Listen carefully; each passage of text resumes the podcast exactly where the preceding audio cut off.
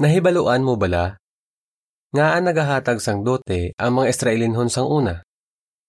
Sang panahon sang Biblia, nagahatag sang dote ang nobyo sa pamilya sang nobya. Pwede ihatag bilang dote ang mga butang may balor, mga sapat o kon kwarta. May mga tion man nga nagaobra ang nobyo sa pamilya sang nobya. Pareho ini sa ginhimo ni Jacob nga pito ka tuig nga nag-obra sa amay ni Raquel para mapangasawa niya si Raquel. Para sa ano ang dote? Ang isa ka eksperto sa Biblia nga si Carol Myers nagsiling. Sa mga pamilya nga pagpanguma ang palangabuhian, dako gid ang mabulig sa mga anak.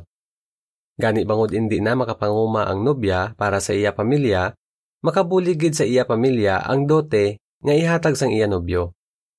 Makabulig man ang dote para magsuod ang mga pamilya sang nobyo kag sang nobya. Kag suod na ang duha ka pamilya, makabuligay sila sa tion sa mga kabudlayan. Ang paghatag sang dote nagapamatuod man nga kalaslo na ang nobya. Ginapakita man sini nga ginahatag na sang iya amay sa iya manginbana ang pagatipan kapag amlig sa iya. Pero hindi buot silingon nga ang mga babayi daw pareho sa isa kabuta nga pwede baklon o kung ibaligya. Ang libro nga Ancient Israel, Its Life and Institutions nagasiling. Kung magpakasal ang mga Israelinhon, may obligasyon ang nobyo nga maghatag sang kwarta kung sang katumbas sini bilang dote sa pamilya sang babayi. Bangod sini, daw masalaan nga ginbakal niya ang babayi. Pero hindi bayad para sa babayi ang dote, kundi bulig ini para sa iya pamilya. Sa pila ka pungsod subong, ginasunod gihapon sa mga tawo ang kostumbre sa paghatag sang dote. Kung mangayo sang dote ang mga ginikanan nga saksi, dapat hustuhan lang ini kag makatarunganon. Kung himuon nila ini, ginapakita nila sa tanan nga tawo ang ila pagka makatarunganon.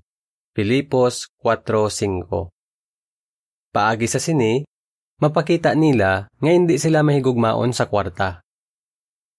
Ikaduhang Timoteo 3.2 Kagon hindi tama kadako ang dote nga pangayoon sa mga ginikanan nga saksi, hindi mapilitan ang nobyo nga ipaisol ang pitsa sang kasal hasta nga masarangan niya ang ginapangayo nga dote.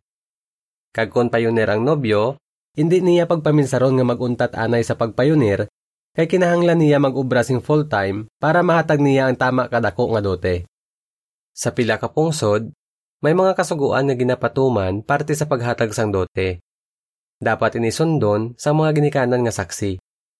Nga a, bangod ang Biblia nagasiling, nga dapat magpasakop sa mas mataas nga mga otoridad ang mga Kristiyano kag dapat nila tumanon ang mga kasuguan nga wala nagalapas sa mga kasuguan sang Dios. Roma 13:1. Diri natapos ang artikulo.